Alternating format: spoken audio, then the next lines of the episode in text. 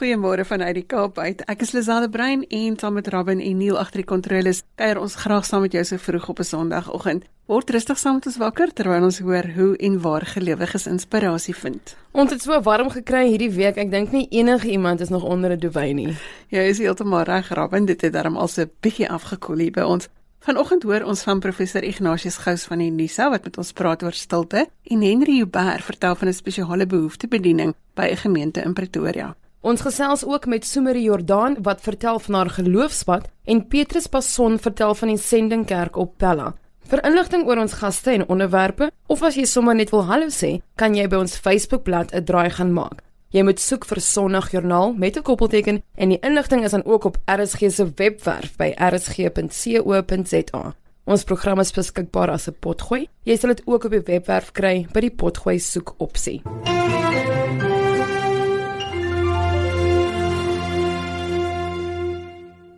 Ons veldaanbieder Gilma Stander het op Pella gaan kuier en daar het Petrus Passon vir haar van die kerk op Pella vertel. Ek is 'n uh, woordeling van Pella. Ek is beter bekend as Jorkel. Ek het al my sakramente het ek in hierdie kathedraal ontvang. Pella se sendingdorpie, 99% is Rooms-Katoliek en dit was uh, gebou deur priesters van oorsee, uh, naamlik biskop Simon en Vader Wolf. Met die bou van die kerk was dit nog was hy nog Vader Simon en broer Wolf, maar na nadat hy gewy as 'n biskop en uh, broer Wolf het later later gewy as 'n priester en albei is in die kathedraal begrawe. Nou ons weet ook dat hierdie pragtige kerkie is oorspronklik, maar hy het op 'n stadium 'n uh, bietjie teëspoed gehad. Ja, as ding is in 1984 wat hy aan die ander kant uh ingeval het uh as gevolg van die water wat onder die kerk is en danksy het die gemeenskap en die regering het geld ingewillig en het die kerk is weer reggemaak en staan nie weer in al sy pragt en praal. Nou jy ken nou die gemeenskap. Wat hou hierdie gemeenskap van Pella bymekaar en wat maak dit so anders? Die eerste ding moet ek sê ons geloof dat hou ons bymekaar en uh, ons het 'n sterk kom ek sê geloofsband met mekaar. En dan uh, ja en die ander kant is dat die myne naby Agnes en uh, Gammersberg dis waar die mense werk en ook uh, Karsens boerdery. Van die uh, jonges het uitgegaan die oues het agtergebly en dan is nog vier boere is nog sterk en die ander is nog in die gang nog En al hierdie dadelbome, waar kom dit vandaan? Uh, die dadelbome is is van Duitsland. En uh, die Duitse soldate wat hier oor kan die Oranje rivier ge, uh, geveg het teen die Bonnel Swart, hulle het die dadels hier gebring vir eet van die uh, dadels van die vrug en die putte het hier gebly, uh, gebly en dit het gegroei en kan vandag kan ons van daardie soetvrug eet. Dis dis dis een van die bronne van inkomste van die kerk. Dis die ander uitdaging nê vir 'n kerkgemeenskap so 200 lidmate, mense wat bly weggaan. Hoe bly mense aan die gang en hoe bly mense voortgaan? Ja, kom ek sê as jy mos nou uh, gewoon is in die platte land nê, al gaan jy ook stuur toe jy kom terug. Jy kom pas jy weer aan want jy ken die omstandighede, jy het groot geraak met dit saam. En dan sou ek sê dat uh, uh, ons was uh, vier boere gewees, ander was nou mynwerkers gewees so en as, as jy vier boer was en jy kom terug, dan skaf jy maar jou twee drietjies aan en jy gaan weer aan met die lewe saam so. Wat maak jou hier op Pella bly? Ek is 'n toergasie op Pella en dan in, in tye as ek nou nie werk het nie, dan gaan ek weer met pa en met oom met die boerdery saam. Wat maak Pella so besonder dat mense hier na toe wil kom? Uh, ek dink die eerste punt is die berge, die tweede punt is die kerk en dan die vriendelikheid van die gemeenskap. Pella is al oor die 100 jaar, maar die kerk dinge staan al oor die 100 en amper 30, 40 jaar plus by die kerk al hier op Pella staan. En uh, so daar gesê dit is gebou van oorseese priesters wat hulle ruste ook dan nou die uh, biskop Simon lê in die kerk en Vader Wolf is ook in die kerk. Tans is uh, Suster Johanna Paula. Hulle die drie nonne hier op Pella. Hulle help met die katekismes en uh, so ook en Suster Johanna Paula uh, was laas jaar bereid geweest om saam met ons uit te gaan toe ons kinders van Voorvader Appinter en Kemus hier gehad het, maar net jammer uh, dinge te laat jaar deurgekom. Ek het hulle help waar hulle kan help. Die uitdaging is maar is maar baie baie ander dinge. Soos jy weet, baie dinge neem deesdae oor. Ons moet maar net in gebed bly. Laat ons nie verval in die dinge van die lewe van vandag nie. Petrus, ons staan nou hier in die kerkie. So vertel gou vir ons wat jy alles hier sien. By die galery is die fotos van die biskoppe soos wat hulle in die kathedraal gedien het op die hoek op ons linkerkant is biskop Simon, die eerste biskop en die huidige biskop, biskop Brisi, saam met die paus, die afgetrede paus uh, Benedict. Dit is nou afbeweeg in die in die gang af van die kerk uh, is nou die die stasies, die 14 stasies, 7 aan die regterkant en 7 aan die linkerkant. Ons beweeg nou af na die galery, na die altaar toe.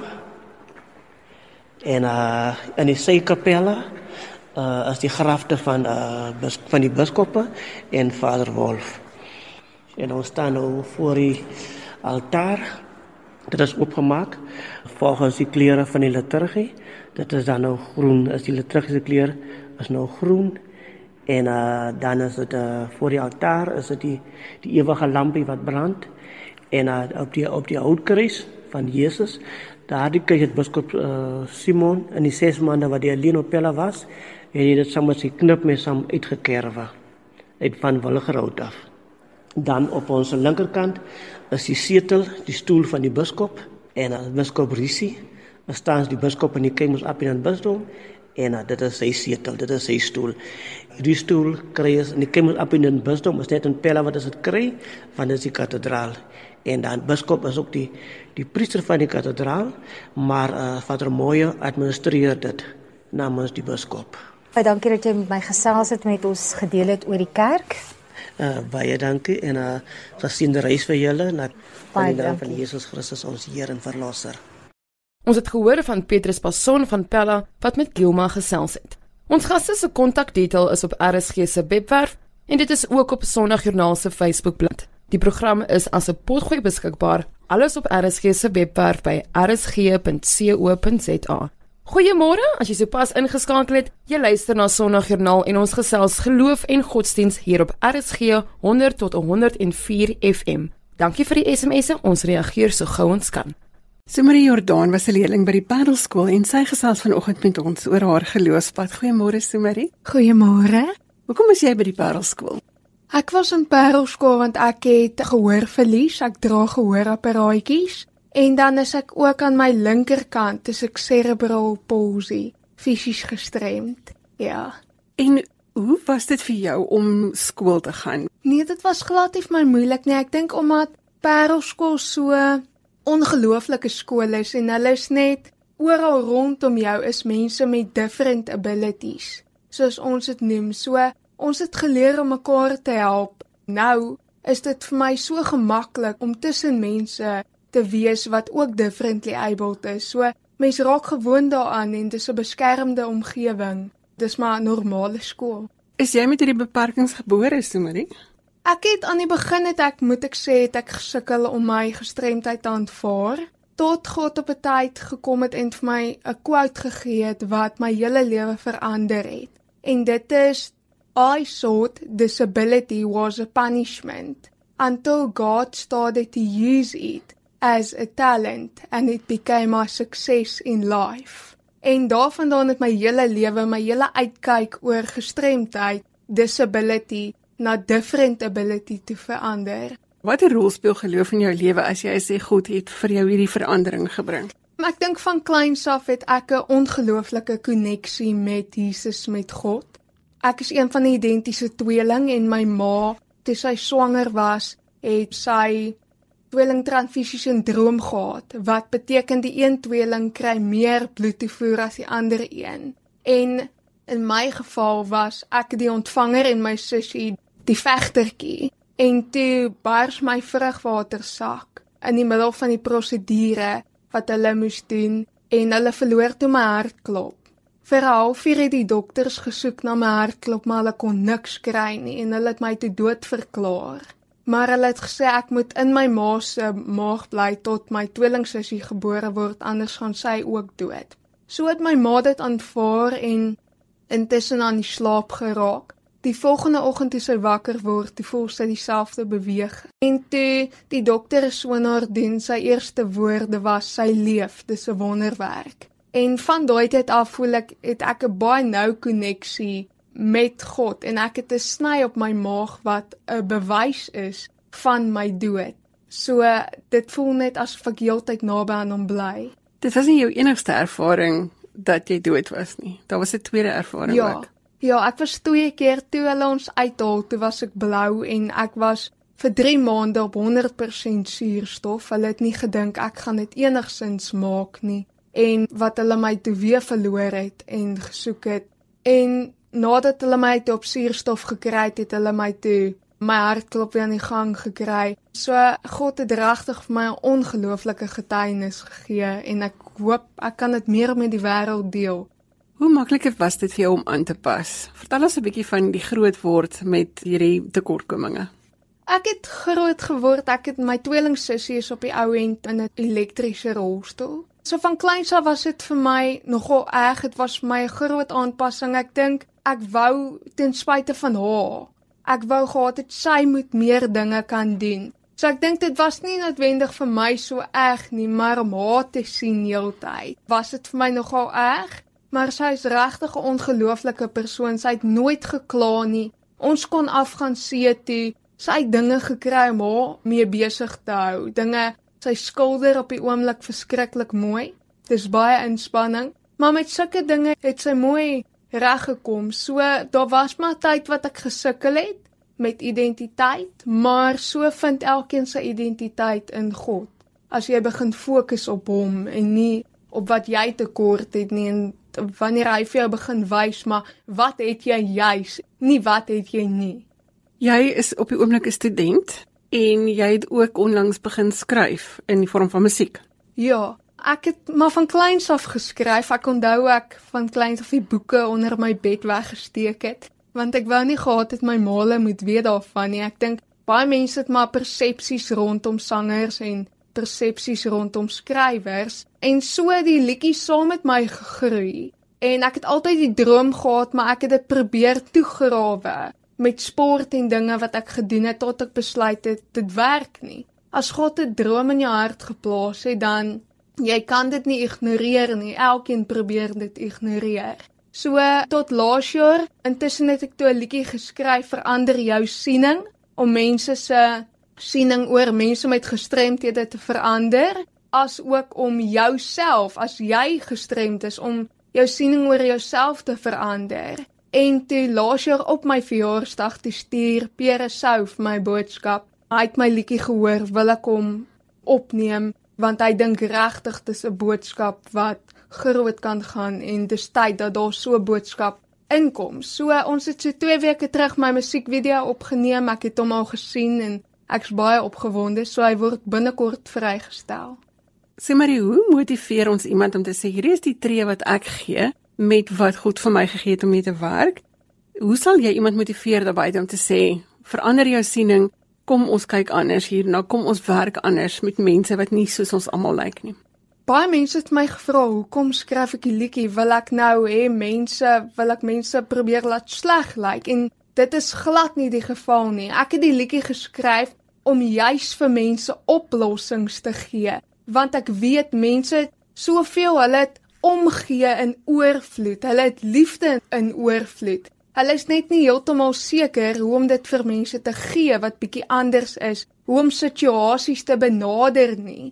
En dis presies op die ouend wat my lirieke sê as iemand nie kan loop nie, moenie bang wees om nader te stap nie. So ek gee baie vir mense, ek wil vir hulle wys hoe hulle hulle omgee en hulle liefde aan ons kan gee en ek wil graag vir elkeen daar buite sê is dat daar's 'n passie in jou en baie keer is jy skaam vir wat ander mense vir jou gaan dink, maar dit help nie jy ignoreer dit nie. Elke persoon in die wêreld probeer hulle passies en hulle talent ignoreer, maar dit gaan nie werk nie. Jy gaan dit nie kan vervul met iets anders nie. So jy moet dit aanvaar en jy moet glo in dit wat God vir jou gegee het en daarop bou.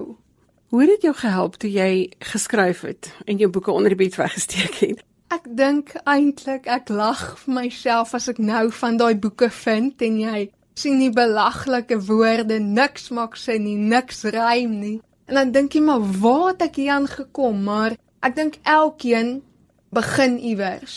En vir my is musiek 'n ontsnapping van realiteit. Ek kan letterlik in my droomwêreld ingaan en woorde kan begin kom en ek kan my eie stories in vorm van musiek skryf. So my tipe musiek, ek wil vorentoe wil ek nie liefdesliedjies skryf nie, daar's te veel daarvan. Ek skryf inspirerend, ek skryf oor wat ek voel. Ek skryf oor ja, wat mense op die ouend sal inspireer in hulle daaglikse lewe. Ek wil nie net hê mense moet luister na musiek as hulle hartseer is of as hulle bly is nie, maar met enige emosie en dit was my ontsnapping. Dit het my regtig deurgedra. En as jy net moet gaan praat by 'n gemeente of by mense wat jou gereeld nooi om te kom sê kom vertel vir ons van hoe dit is. Wat is jou boodskap vir mense wat vandag geleef met gestremdheid en wat nie regtig die dag van môre wil aanpak nie?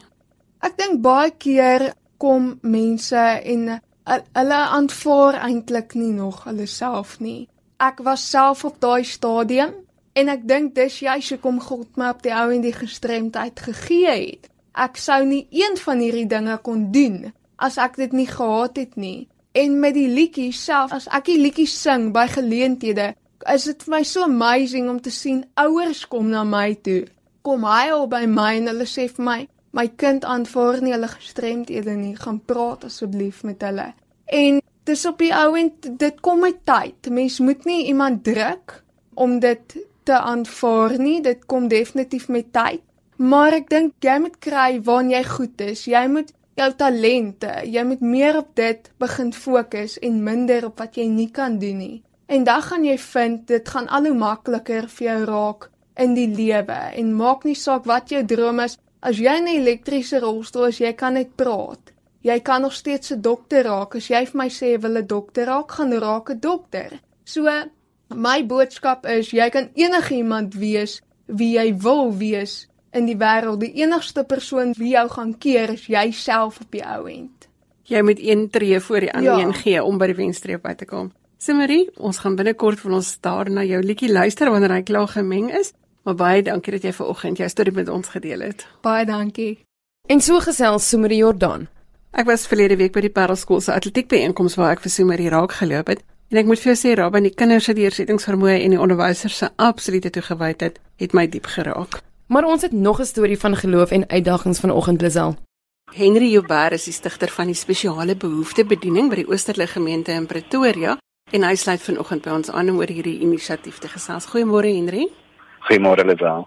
Henry, vertel ons hoe het jou reis as pa gelyk die afgelope 6 jaar? Sjoe. So ek is mos 'n prentjie mens, Lisel, en ek het altyd 'n prentjie gehad van hierdie perfekte gesin. Ek en my vrou en my kind. En ons was verskriklik opgewonde die dag toe ons uitgevind het my vrou is swanger en ons het so uitgesien na hierdie klein mensie wat deel gaan wees van ons lewe. Ek het nooit gewonder of dit 'n seentjie of 'n dogtertjie gaan wees nie, want 2 jaar voordat ons uitgevind het dat ons ehm um, uh, swanger is, het ek geweet ons gaan 'n seentjie hê, want hier het vir my alreeds sy naam gegee. So toe ons seentjie gebore is, was ons soos ander ouers ook glad nie geweet hoe ons gaan optree nie, hoe moet mens hierdie klein dingetjie nou groot maak en hoe gaan jy hom ook nog by in die Here. So dit was rarig 'n kopkrap sessie van die van die begin af.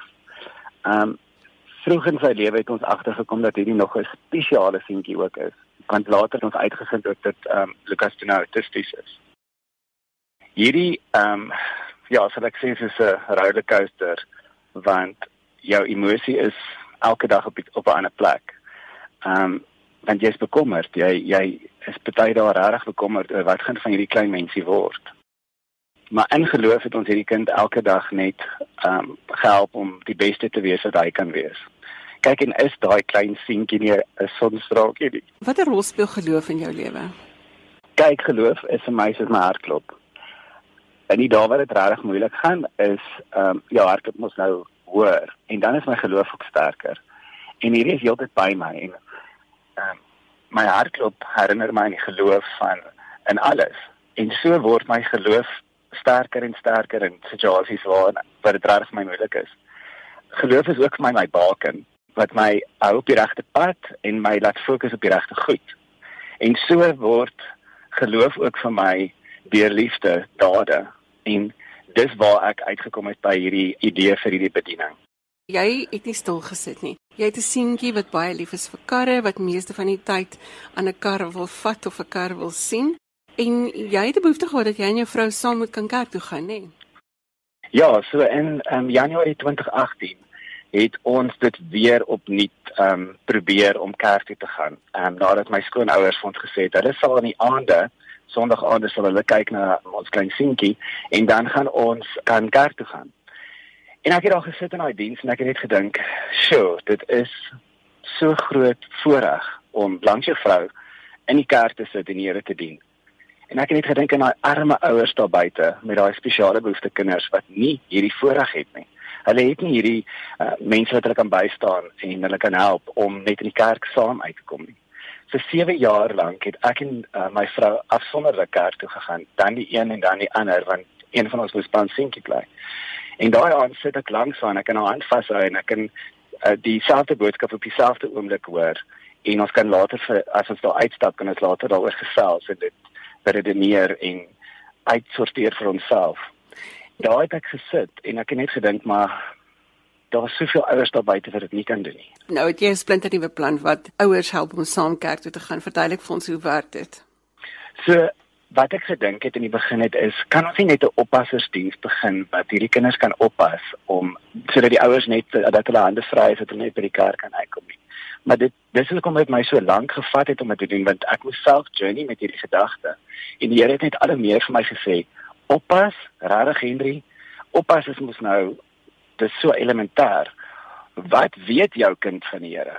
En wie leer jou kind um, by die kerk van van die Here en ehm um, dit daai journey het net dit my vader gevat en gedink maar okay daar moet dan 'n bediening ge, um, gestig word vir hierdie spesiale behoefte kinders want hulle moet tog ook geleer word die dag toe ek my klein seentjie ook gedoop het het ek beloof dat ek hom kerk toe gaan bring en tans is dit net so moeilik om ons kinders by die kerk te hê want hulle is anders hulle het ander behoeftes en so het ek dan nou met um, van die dominees begin praat by die kerk en so het ons begin praat oor hoe ons dit gaan doen en wanneer ons dit gaan doen en hoe moontlik dit gaan wees om dit te kan doen.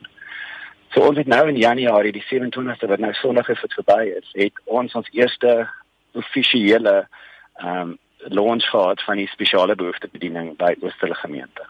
So Henry, hoe werk dit? Het jy mense wat jou help? Hoe staan julle hierdie kinders by? So ek het die ongelooflikste groep vrywilligers gekry.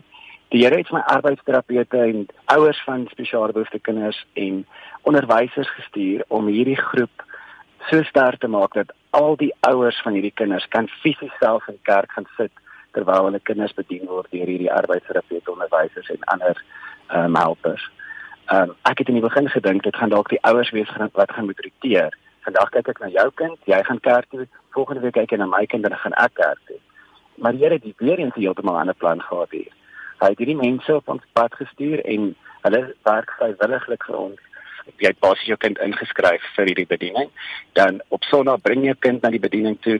Hierdie mans en vroue neem die kinders in en hulle begin 'n lesie. En wat jy daai dag vir daai kind kan leer, hang af van hoe daai kind vandag reageer. So ons het lessies van Noag se ark, ons het van die skepping, ons het van uh, die geboorte van Jesus. Ons het al sulke praktiese lessies wat ons dan met daai kinders doen met klei en inkleer en dit hang af op watter vlak um, daai kind kan funksioneer hoe ons die lessie dan aanpas vir daai spesifieke kind.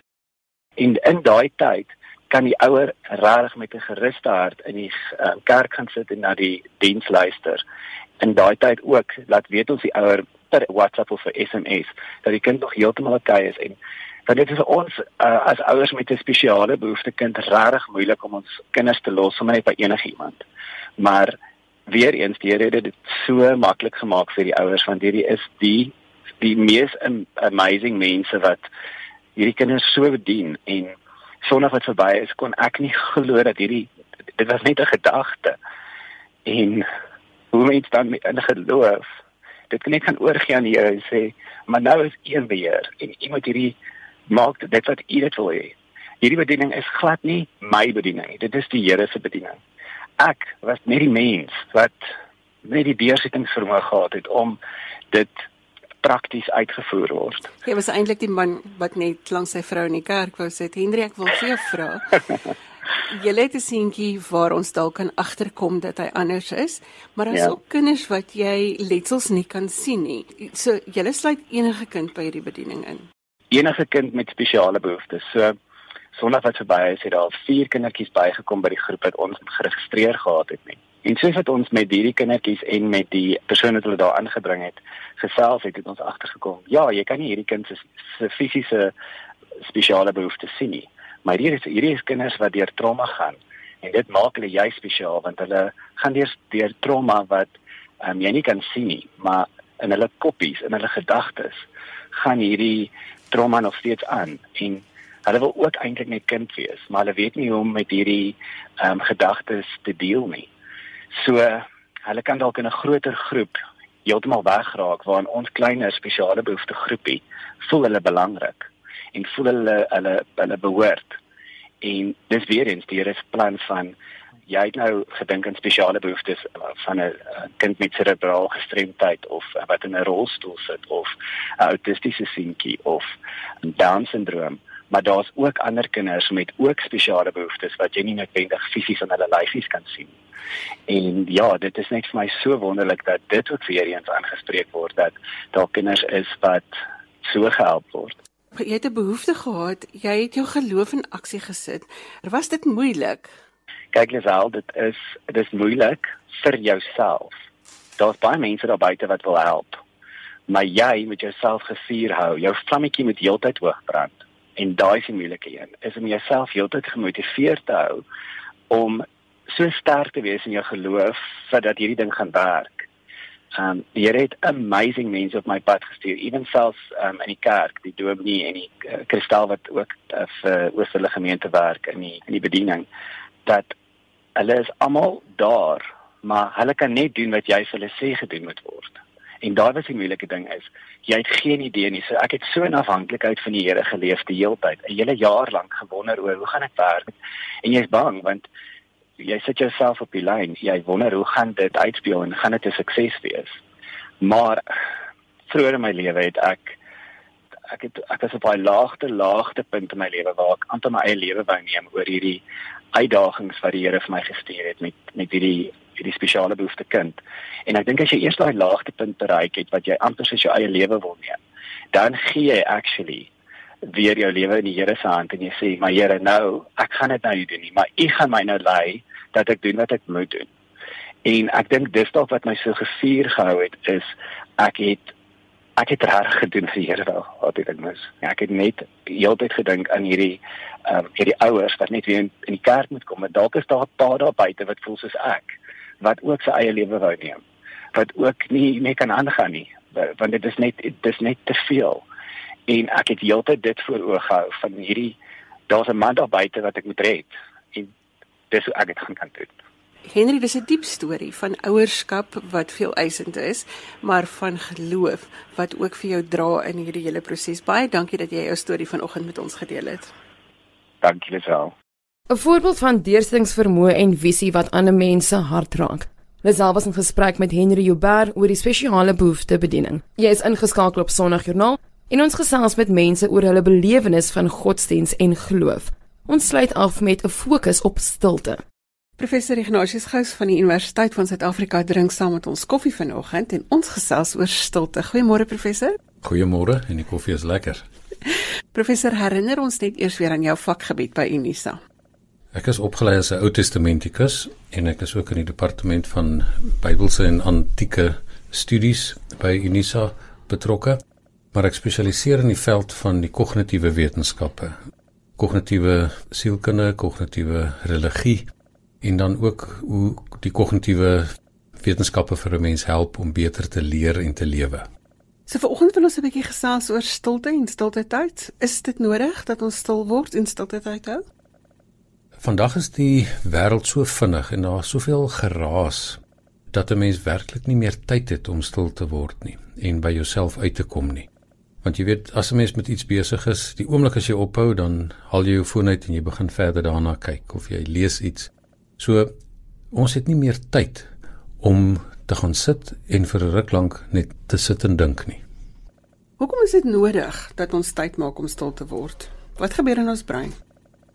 Nou wat ek eers net moet sê wanneer mense oor die brein en veral geloof praat, dit is nie noodwendig vir almal iets wat hulle werklik in belangstel nie. Hulle voel as hulle te veel van iets verstaan, dan neem dit so ietsie weg daarvan af. Maar vir my werk dit so hoe meer ek van iets weet, hoe beter kan ek dit gebruik. So Dit is as 'n mens daaroor praat van uit hierdie konteks is dit dis die agtergrond daarvan. Dit maak vir my 100% sin. Ek wil ook graag weet hoe werk my brein. Dis mos nie net 'n grys massa wat hier in jou kop rond bons nie. Ja. Iemand het 'n boek geskryf of twee mense, 'n man en 'n vrou, die Churchlands, en hulle het gesê, "Our brain is the engine of reason and the seat of our soul." En as jy mens jou brein verstaan, dan verstaan jy jouself.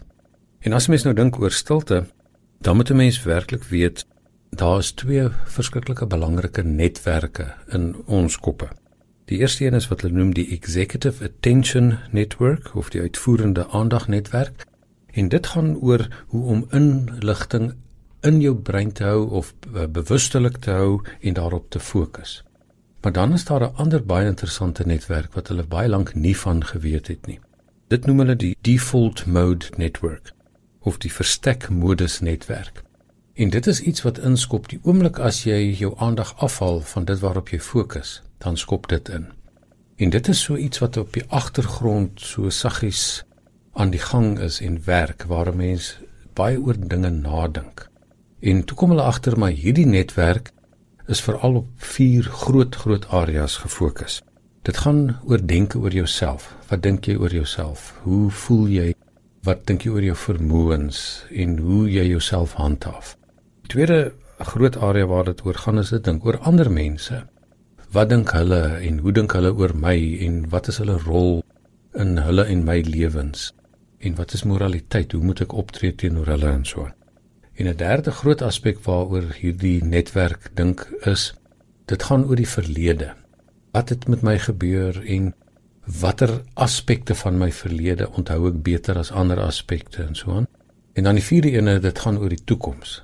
Met ander woorde, waarheen is ek op pad? Wat is ek besig om aan te werk? Hoe gaan ek daarby uitkom en so aan? En dit is goeters wat 'n mens nie noodwendig bewustelik aan dink nie, maar die oomblik as jy so effens afskakel dan kom hierdie goeters na vore en dit mens top so half daaroor of dit gaan deur jou kop en alles en daarom is dit so belangrik om dit te weet want hierdie goeters is daar en nou moet 'n mens gaan sit en dink nou maar dit wat daar is is dit goed vir my dit verklaar vir my so 'n bietjie die filosofiese gesprekke wanneer ons met vakansie is wat help dit ons nou om al hierdie goeters te weet op die ouend gaan dit oor beheer jy weet ek vra baie vir mense het jy ver oggend tande geborsel en, en almal kyk met so half snaaks aan en sê natuurlik, jy weet dit is dental hygiene. Ek vra vir baie mense uit hulle tande geborsel. En dan kyk hulle my so snaaks aan want dit is mos natuurlik om dit te doen want dit gaan oor dental hygiene. Maar wat net so belangrik is is mental hygiene. Waar 'n mens moet sê nou maar goed, wat laat ek toe in my kop? So ons moet elke oggend eintlik so half 'n mentale flos doen om te sorg dat die dinge wat wel deur my kop gaan en deur wat eh, waaroor ek top en wat ek oor nadink dat dit positief is. Jy weet daar's 'n ander baie lang geskiedenis van navorsing wat hulle praat oor daydreaming of dagdroom. En die ouens wat daarop navorsing gedoen het, het gesê daar's die drie tipes van dagdroom. En die eerste ene is wanneer jy oor die verlede dink en waar jy bang is vir mislukkings en waar jy al jou foute en so aan onthou. 'n Tweede ding is sommer net dat jy nie aandag gee aan wat jy omgaan nie. Jy weet jy gaan so deur die lewe onnadenkend en die lewe gebeur eintlik met jou en jy is nie in beheer daarvan nie. Maar dan die derde een wat hulle van praat is positive constructive daydreaming. Dit is positiewe opbouende gedagtes en dit bou op hierdie default mode netwerk of die verstek modus netwerk.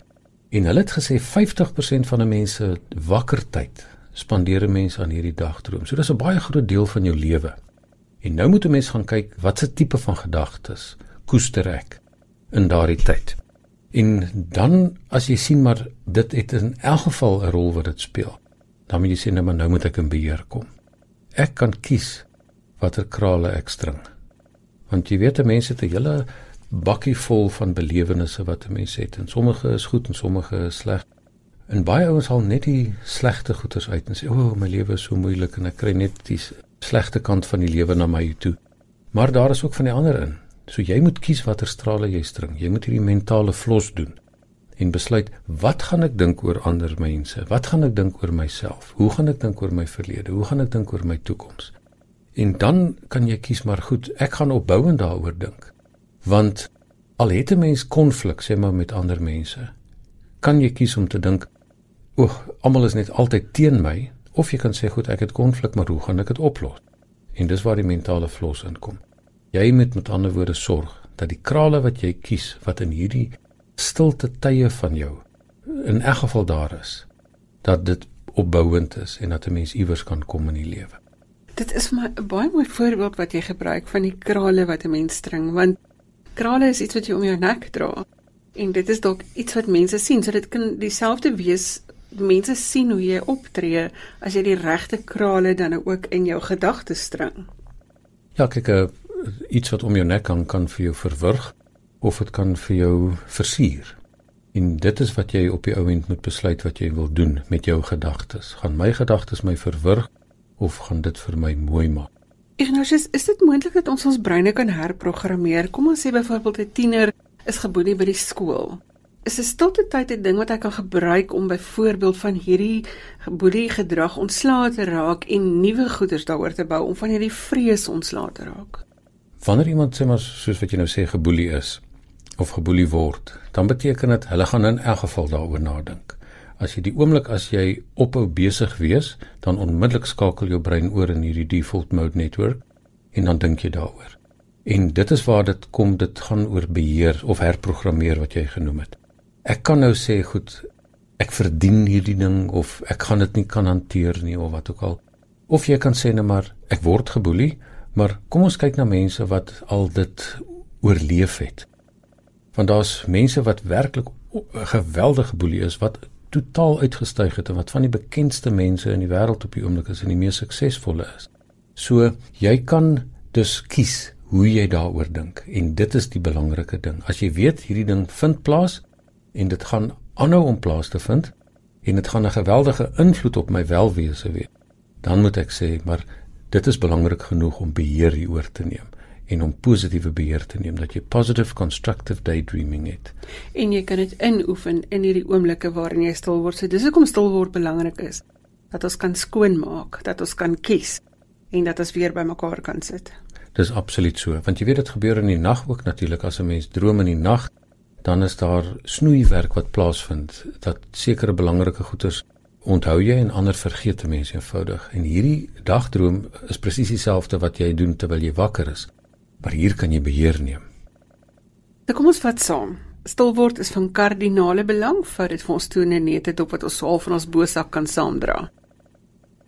Jy moet tyd maak om stil te word want in 'n wêreld wat verskriklik 'n ooraanbieding het van insette, moet jy met ander woorde tyd maak om sin te maak van al hierdie insette. Maar jy moet baie baie goed kies en proaktief wees oor wat jy gaan toelaat wat 'n rol in jou lewe gaan speel. En sodat wanneer jy stil is en 'n mens moet regtig tyd maak dat jy sonder radio, sonder foon, sonder enige iets op 'n tydstip van 'n dag moet jy kan sit en dan moet jy kan sê nou maar goed, hoe kan ek die oor myself en oor ander en oor die verlede en oor die toekoms dink in terme van wat dit wat vir my belangrik is my geloofsaake my beroepsaake al die dinge oor waarheen wil ek gaan. Ek het beheer oor wat ek dink. Professor baie dankie dat jy vir ons vanoggend gehelp het om van hierdie krale uit te kies wat ons wil string en wat ons om ons nekke wil dra. Baie dankie vir die samegesels lekker dag. En met daardie boodskap oor stilte is dit tyd om te groet. Volgende Sondag is ons weer hier op dieselfde tyd met nuwe stories uit die wêreld van geloof en godsdiens. Stuur gerus vir Lazel 'n e-pos as jy jou storie met ons wil deel. Haar e-posadres is lazel@wwmedia.co.za. Ons gaste vanoggend was professor Ignatius Gous van Unisa, Henry Uber van Pretoria, Sumri Jordan van Brackenfell en Petrus Passon van die Sendingkerk op Pella. Ons program is as 'n potgooi beskikbaar later vandag of maandag. Kan jy op die webwerf gaan kyk onder die potgooi opsie en soek dan vir Sondagjoernaal met vandag se datum. Ek groet namens produksieregisseur Neo Roo. Baie dankie dat jy ingeskakel het. Gaan maak 'n verskil en verander iemand se lewe positief. Tot volgende week. Totsiens.